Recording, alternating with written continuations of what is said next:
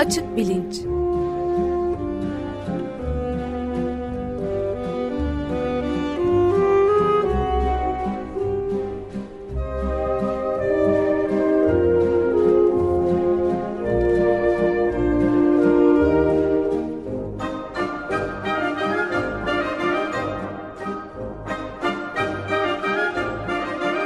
Güven Güzeldere ile bilim ve felsefe sohbetleri. Günaydın Güven Bey, merhabalar. Günaydın Ömer Bey. Günaydın.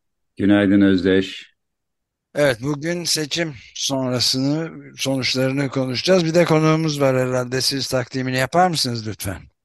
Tabii memnuniyetle konuğumuz e, yazar ve gazeteci Gökçer Tahincioğlu. Hoş geldiniz Gökçer Bey. Hoş bulduk, günaydın. Merhabalar, hoş, hoş geldiniz. Şimdi bu seçim sonrası programları doğrusunu söyleyeyim en zor programlar oluyor benim için en azından. Ee, Gökçer Bey sağ olsun e, işlerin arasında zaman ayırdı geldi. Genel seçimle ilgili bir değerlendirme yapalım istiyoruz. Ee, Gökçer Tahincioğlu daha önce Vakayiname'de konuğumuz olmuştu. Şimdi de Açık Bilinç'te e, konuğumuz oluyor. Ee, Gökçer Tayıncıoğlu'nun T24'te yazdığı yazılar arasında seçime yönelik e, pek çok yazı var. Örneğin ikinci tur Cumhurbaşkanlığı seçimlerinden bir gün önce bir ülkeyi seçmek diye bir yazı yazmıştı. Ee, birinci tur seçimlerinden hemen sonra da e, AKP'de yazlık komşusu rahatsızlığı, CHP'ye oy vermem ve daha ne yapalım halk böyle diyenler Yeşil Sol tip ittifakından kalanlar gibi konuları işlediği bir başka yazısı vardı. E, bütün bunların ışığında genel bir değerlendirme yapalım. Seçim nereden nereye gitti? E, şu anda neredeyiz? Önümüz nasıl gözüküyor? Yani bugün 30 Mayıs Salı itibariyle ne durumdayız? Biraz bunu değerlendirelim istiyoruz. E, Gökçer Bey nereden başlayalım? Herhalde e, aslında sonuçların hani en saf halini konuşmak lazım. Ee, yani şöyle bir gerçek var. Hani bunun detayına belki ikiye ayırmak gerekiyor sonuçları. Bir tanesi e, hani 21 yıllık bir iktidardan sonra seçime giren e, büyük bir deprem felaketinden, ağır ekonomik e, koşullar altında e, seçime giren, yıprandığı iddia edilen bir iktidarın aldığı sonuç e, bir kere hani şunu söylemek lazım. Yani Kılıçdaroğlu'na sempati duyabilirsiniz. Çok iyi çalıştığını söyleyebiliriz. Ortada net bir tablo var.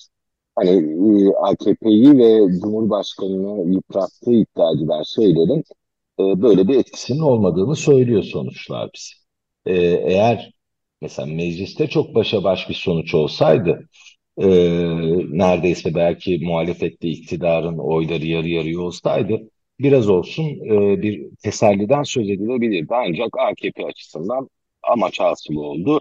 Kendi oyları %35'e düşse bile e, ki 2002'den bu yana AKP'nin aldığı e, en düşük oy oranı e, Öyle olsa bile hem meclisi ittifak ortaklarıyla birlikte rahat biçimde kazanan bir e, AKP söz konusu hem de 5 yılda 2018'deki e, oranlarını tekrarlayarak e, aldığı toplam oy sayısını bir parça daha arttırarak e, yine iktidarda kalan e, Cumhurbaşkanı Erdoğan gerçeği söz konusu.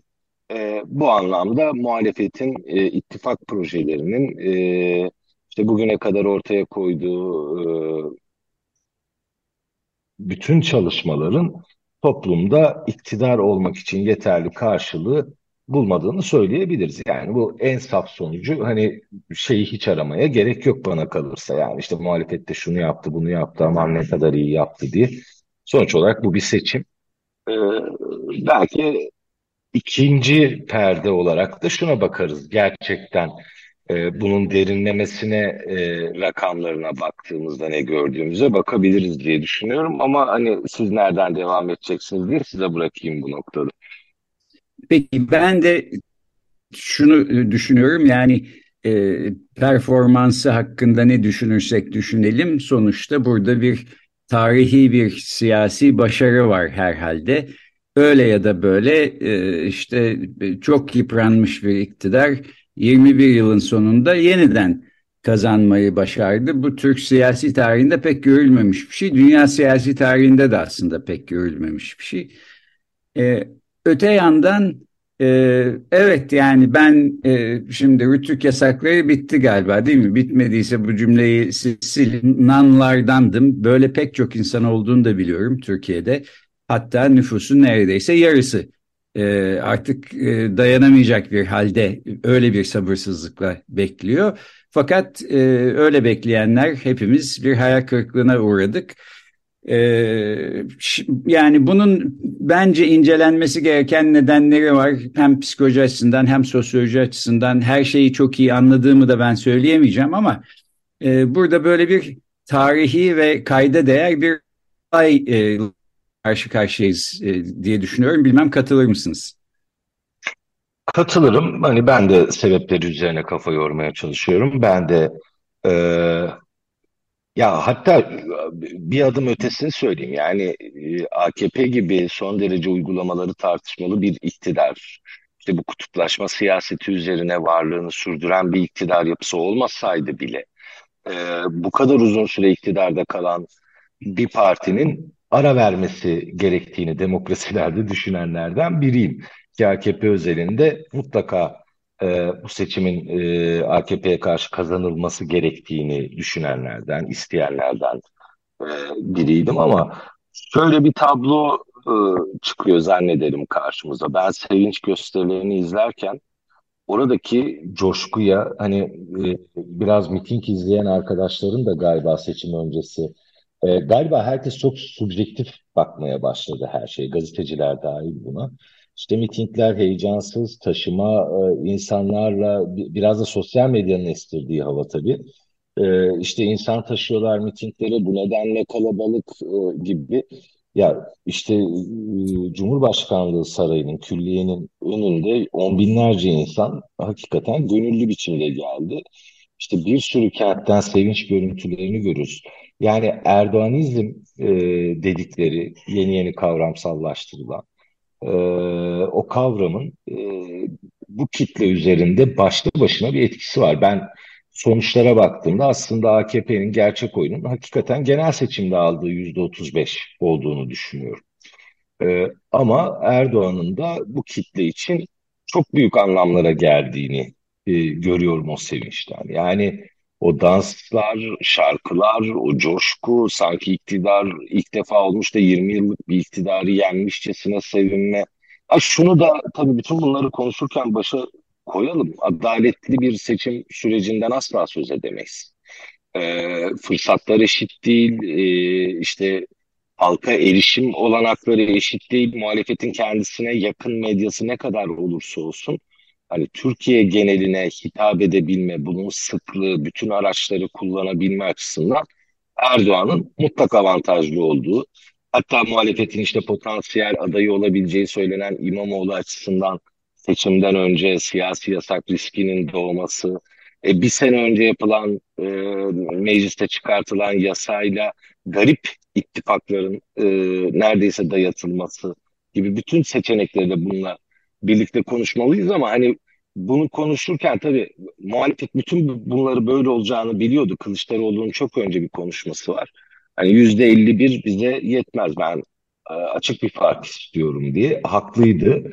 E, başka türlü çünkü bu seçimi çok kazanma şansınız yok. Hani bir adım e, geriye çekilip baktığımızda dünyadaki örneklerden de baktığımızda işte Brezilya'da Bolsonaro'ya, Amerika'da Trump'a, Macaristan'da Orban'a yani bu şekilde otoriter, e, popülist karakterli iktidarlarda e, hani bırakın 20 yıl iktidarda kalmasını e, 3-4 sene bile iktidar olanın gitmesi çok kolay olmuyor. E, evet. Yani kaybeden de yüzde 49-49 buçuklara e, yüzde 30 alınamaz derdi yer, denilen yerlerde çıkabiliyor. Hani bütün bu kabullerden sonra bir de baktığımda bütün Türkiye'nin bana söylediği bir tablo var. Şimdi Kılıçdaroğlu'nun başarısı yerel seçimde e, kurduğu ittifaklar ve belirlediği adayların büyük kentleri çok uzun bir süre sonra kazanmasıydı. E, ve ben Kılıçdaroğlu'nun ittifak e, projesinde başarılı bulunanlardım. Yani tarihsel olarak CHP'ye karşı ideolojilerden gelen 3-4 partiyi yanına yedeklemek, bununla beraber e, işte Kürt siyasetinin temsilcisi HDP'yi de e, masada olmasa bile dışlamamak, en azından bu ittifaka bir biçimde destek vermeye ikna etmek az şey değildir diye düşünüyordum. Evet. Ama e, galiba birkaç tane stratejik hata. Tabii bunu da seçim sonrası sonuçlarıyla. Hani ben de mesela şeye kızanlardan ya Akşener niye masadan kalkıyor? Hayır niye liste pazarlığı yapıyorsunuz? Hayır niye şu aşamada şu oluyor falan gibi anlık tepki gösterme tuzağına düşmüş insanlardan biriyim onu da itiraf ediyorum. Ama e, buradan baktığımızda sonuçlardan baktığımızda birkaç önemli stratejik hata ama galiba şaşırtıcı ve e, araştırılması gereken, şaşırtıcı olan e, doğru şu anda büyük kentleri e, AKP içinde de bu şimdiden konuşulmaya başlandı. Çünkü 9 ay sonra bir yerel seçim var. Büyük kentlerde Kılıçdaroğlu önde çıktı. Ankara'da ve İstanbul'da da iki buçuk puan kadar fark attı ki o farkın açılması da olasıydı katılımın biraz daha yükselmesi durumunda. Hatta Türkiye genelinde daha büyük kentlerin neredeyse tamamında CHP önde bitirdi. Ama Tayyip Erdoğan geriye kalan ülkenin neredeyse tamamında birinci büyük kentlerde de açık ara bir fark yok. Yani en az oy alır dediğiniz yerden de oy alıyor. Alameti farikası da o zannederim. Evet, e, şimdi ben benim siyasete ilgim işte AKP'nin iktidara geldiği 2002 senesinden daha öncesine de gidiyor. Sizin de öyle biliyorum. E, belki daha öncesiyle şimdiki zaman arasındaki en önemli fark e, seçmenler arasındaki kutuplaşma gibi gözüküyor bana. Sayısal olarak neredeyse yarı yarıya olsa da işte yani benim oturduğum yerde İstanbul'da sabaha kadar kutlamalar oldu. Otomobiller, kornalar çaldılar, silahlar atıldı, fişekler patlatıldı falan. E, fakat mesela sosyal medyada dolaşan bir e, videoda e, sokakta kutlama yapan insanlar gözüküyordu. Antakya'da arkada da yıkılmış binalar. O binaların altından hala belki çıkamamış e, çıkartılamamış cenazeler var. Fakat bu sanki yokmuş gibi böyle büyük bir e, sevinç havası e, yansıyordu ekrana filan. Bu bana kutuplaşmanın bir e, yani karşı tarafı işte yok sayacak bir psikolojinin içinde olmanın bir göstergesi gibi geliyor. Bu da tabii iyi bir şey değil ama e, içinde bulunduğumuz durum e, bu gibi gözüküyor bana. Bence çok önemli bir şey söylüyorsunuz. Yani seçim öncesi şuna bakıyorum. E, tepki yani konuştuğum insanlara da sosyal medyaya da kendi sosyal medyaya daha az bakmaya çalışanlardanım ben. E, şunu görüyoruz işte e, CHP şunu yaptı hayır sandığa gitmem. İşte bu kararı aldılar bir daha oy vermem. Ben zaten zorla veriyorum. Şimdi bunun karşısında adanmış her koşulda oy vereceğini söyleyen bir kitle var. Ee, yani bir tarafta zaten sürekli kızgın ve sürekli akıl veren bir kitle. Diğer tarafta ise hakikaten adanmışlık, an bağlılık ve her koşulda oy vereceğini söyleyen bir kitle var. Ben depremden sonra iki kez e, bölgede çalıştım. Mesela ben Maraş sonucunun üç aşağı beş yukarı böyle geleceğini oradayken anlamıştım. Ee, çünkü orada konuştuğumuz depremzedeler en kötü durumda olanlar bile şunu söylüyorlardı. Bu iktidar ne yapsın bu kadar büyük bir deprem karşısında? Bir kere e, Erdoğan'ın becerilerinden birisi bu söyleme karşı tarafı inandırması. Zaten inanmaya hazır bir kitle olması bu kutuplaşma siyasetinin etkisiyle. Evet. Ee, bir ikincisi de şuna kızıyorlardı. Yani biz bu kadar büyük felaket yaşadık. Aslında muhalefet ve muhalif seçmen buradan e, siyaset yapmaya çalışıyor. Bakın biz ne durumdayız? Siz hala Erdoğan'ı indirme peşindesiniz. Buna kızgınlardı büyük bir bölümü. Hatay için aynı şeyi söyleyemem her yeri için. Biz zaten hani Hatay'ın merkezindeki sonuçlar da e, öyle olmadığını gösteriyor. Yani orada biraz daha farklı işte bize bilerek yardım yapmıyorsunuz diyen belli ilçelerde yerler vardı. E, ama tabii işte o kutuplaşmanın sonucu sayıları çok az da olsa biz şunu da görüyoruz. Deprem bölgesini gördünüz mü? Ne biçim oy verdiler? Ya da işte Soma'yı daha önce yaşamıştık. İşte Soma'ya bu kadar üzüldük. Bak gene Erdoğan'ı seçtiler. Şimdi bu, bütün bu ağır yenilgilerin etkisiyle ki bu 2023'ün de şöyle bir özelliği var. Ee, herkes galiba e, muhalif kesimde bu seçime şöyle gitti. Buna da inandı. Bu kader seçimi son seçimimiz olabilir. İşte Cumhuriyet'in e, 200. yılı başlıyor. E, bir daha sandık kurulmayacak. Ölüm kalım meselesi gibi. Çok önemli bir seçim olduğunu e, kabul etmekle birlikte ben o tabloya, bu saptamalara itiraz edenlerden biriydim. E, yani o adanmışlığı yenebilmenin yolu sanki gerçekten stratejik bir akılla e, kutuplaşma siyasetine düşmeden her partinin de biraz kendi ideolojisinde ısrarcı olarak demokrasi talebini e, biraz topluma inandırarak neden bunu istediğini inandırarak yapması. Ama dediğim gibi şu şerhi de düşüyorum yani ben de e, seçim öncesinde e, bazı yorumların başkaydı sonuçları görünce e, bazı yorumların başkalaştı hani şey kolaycılığına da düşmek istemiyorum. Ya gördünüz mü işte CHP ne kadar da kötü, şu ne kadar da kötü diye.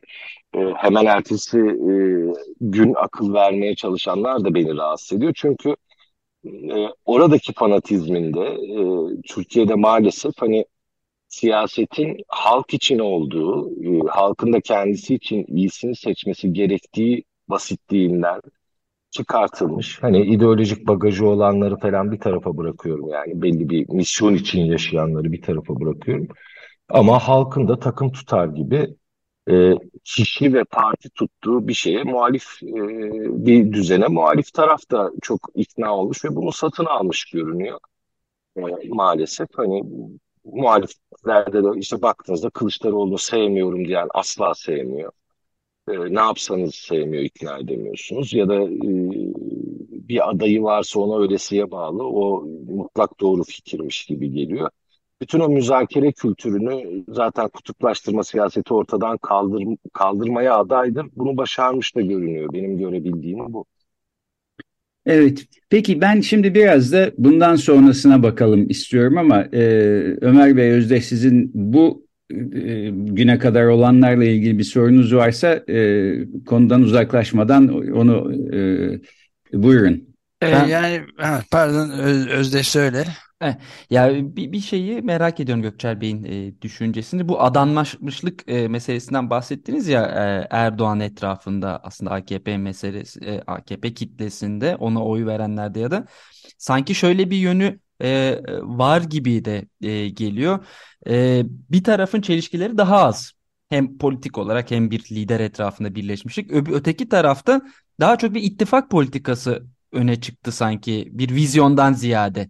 Yani çelişkileri daha büyüktü. Göçmenlerden LGBT kadın meselesinden çevre meselesine kadar. Yani her ne kadar CHP bir ünlüler e, yani önemli isimlerden oluşan bir böyle konferans yaptığı bir program açıkladı ama yani bu çok bir etki yaratmadı. Kendi içerisinde bile çelişkiliydi zaten e, bu program. E, biz bir de uzun zamandan beri e, tabii dünya genelindeki de seçimleri de takip ediyoruz ve iki örneği e, anlatıyorduk. Başarısız olan iki örnek aslında ittifak politikası. Bir tanesi Macaristan'da anti-Orban ittifakı. Orada orası da altılı masaydı beklenenden çok daha kötü bir performans sergileyip kaybetmişlerdi. Bir diğeri İsrail'de anti-Netanyahu ittifakı.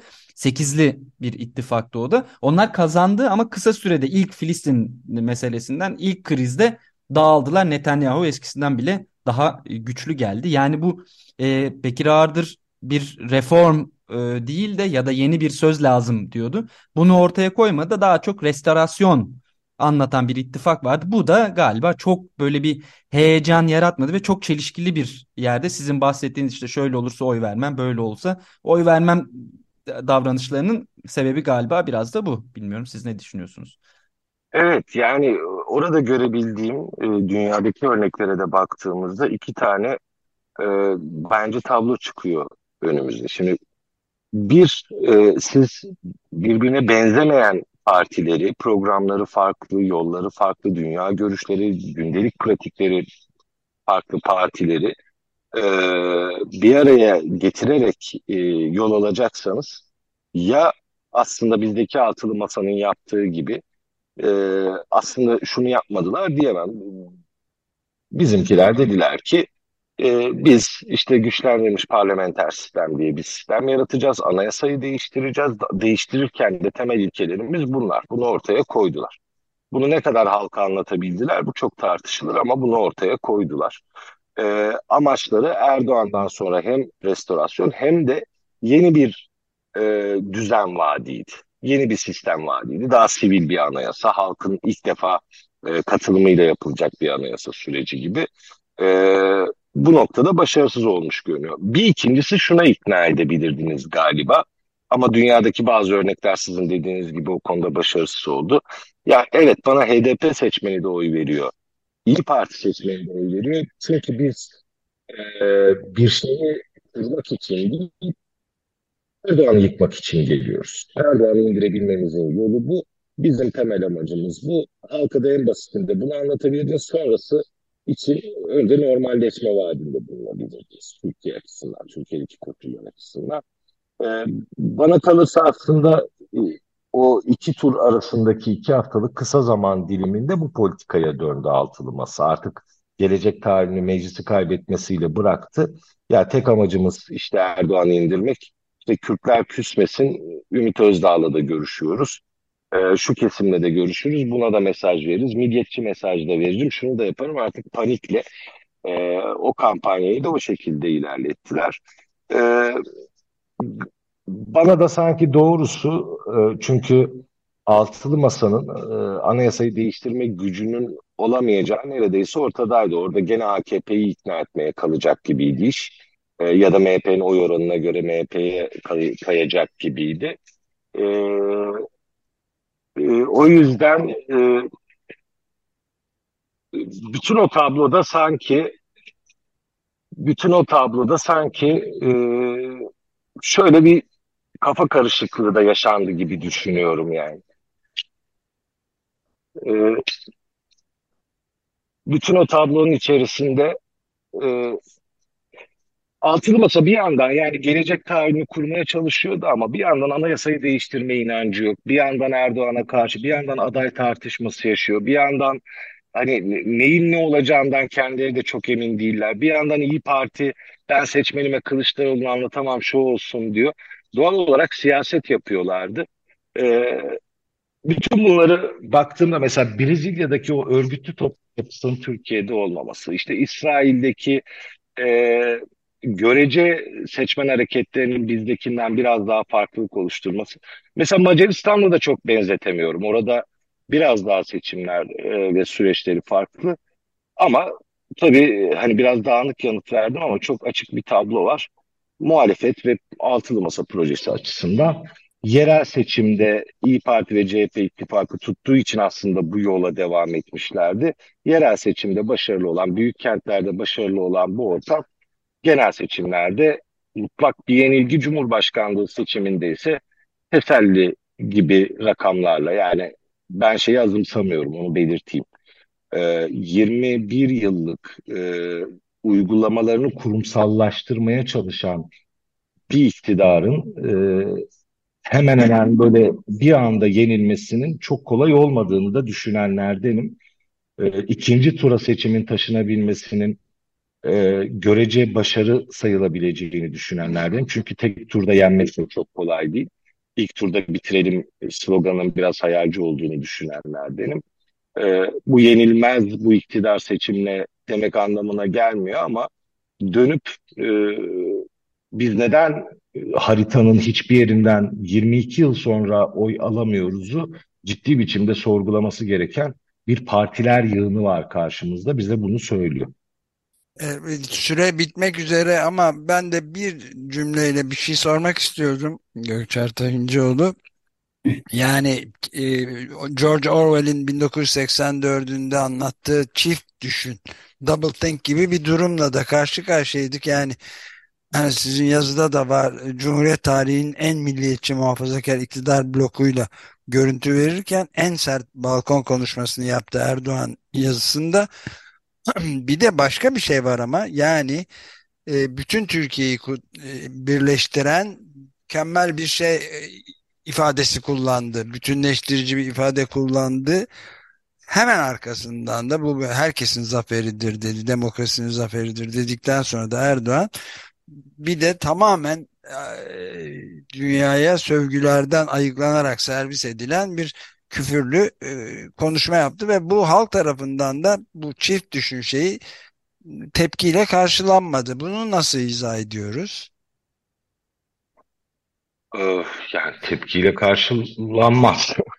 ee, şöyle bir kere hani Erdoğan'ın konuşmasının başındaki bir iki dakikalık bölümün ben e, biraz hani e, adettendir diye yapıldığını düşünüyorum. Yoksa 2002'den AKP'nin o en eski küçük genel merkezindeki balkon konuşmasından bugüne baktığımızda hakikaten Erdoğan'ın o kutuplaşma siyasetiyle e, dünyaya bakışıyla, e, kendine oy vermeyen seçmenlere bakışıyla hani bunu seçim olmayan dönemlerde zaten görüyoruz işte halk kimdir, millet biziz, karşı taraf nedir, bütün bunlar zaten açıklamaya muhtaç da e, ilk defa bir balkon konuşmasında bunu çok net ortaya koydu. Bana kalırsa koymasının da bir nedeni var e, bu kadar sert bir konuşma yapmasının. Çünkü Erdoğan en e, güçsüz olduğu söylenen zamanda e, bu terör söylemiyle e, işte milliyetçiliği yükselterek e, kutuplaştır, kutuplaştırma siyasetini yükselterek sonuç aldı. E, hemen bence balkondan aslında bu siyaseti daha da sertleştirerek yürüteceğinin mesajını verip 9 ay sonraki seçime şimdiden e, yatırım yapmaya karar verdi. Ama ben balkon konuşmasında dediğim gibi Lapola Berigele diye biraz adet yerini bulsun diye işte hepimiz kazandık, demokrasi kazandı, terör kaybetti gibi e, gerçeklikten de biraz uzak o seçim kampanyasındaki bütün argümanları e, sertleştirerek uygulayacağı mesajını aldım. E, o anlamda hani tepki çekmek bir yana zaten karşı tarafta e, karşı mahallede oranın seçmenlerinde şöyle bir duygu olduğunu düşünüyorum. Yani Erdoğan'ın konuşmasından da ileri bir boyutta e, bu tarafın hayal kırıklığını, üzüntüsünü, işte Erdoğan'ı indirme arzusunu e, hakikaten darbe gibi yorumlayan, hakikaten o yaşam biçimi farklılıkları ile ilgili bir e, olumsuz duygu. Hani bu, bu, bu tarafta yok mu? Hani kim kime karşı mı hali ona göre değişir ama yani burada da var. Ama orada daha büyük. Ee, belki orada sosyolojik bir araştırma, hani seçmen davranışı araştırmasından da ziyade e, işte soğan yeriz ve e, buna razı oluruz. Hani sanki bir seferberlik varmış ülkede gibi. E, gerçekten bir zafer kazanma duygusu var. E, o, o anlamda zaten hani bu kutuplaşma siyasetinin e, Türkiye'de yapısallaştığını da bana gösteriyor. Hani Erdoğan bence bütün bu süreçte e, bazı şeyleri kurumsallaştırmayı başaramadı. Bazı pratiklerini, ideolojilerini ama seçmen nezdinde bunu yapısallaştırmayı başarmış gibi görüyorum ben. Evet. Evet. Peki böylece de e, programın sonuna geldik. Kapatalım. E, yerel seçimlere bir seneden az vakit kaldı. Aslında ya işte ne oluyor bir, bir fark da yaratmıyor filan gibi düşünen insanlara şunu söylemek isterim. Son dört senede İstanbul'un başında Binali Yıldırım, Ankara'da işte Mehmet Özhaseki Büyükşehir Belediye Başkanı olabilirdi. Öyle olsaydı bir fark olmayacak mıydı hayatlarımızda son dört senede? Mutlaka olacaktı. Bunu unutmamak gerek diye düşünüyorum. Ben de benim de son sözüm bu olsun.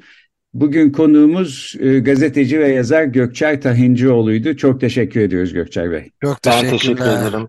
Çok teşekkürler. Görüşmek üzere. Görüşmek üzere. Görüşmek üzere.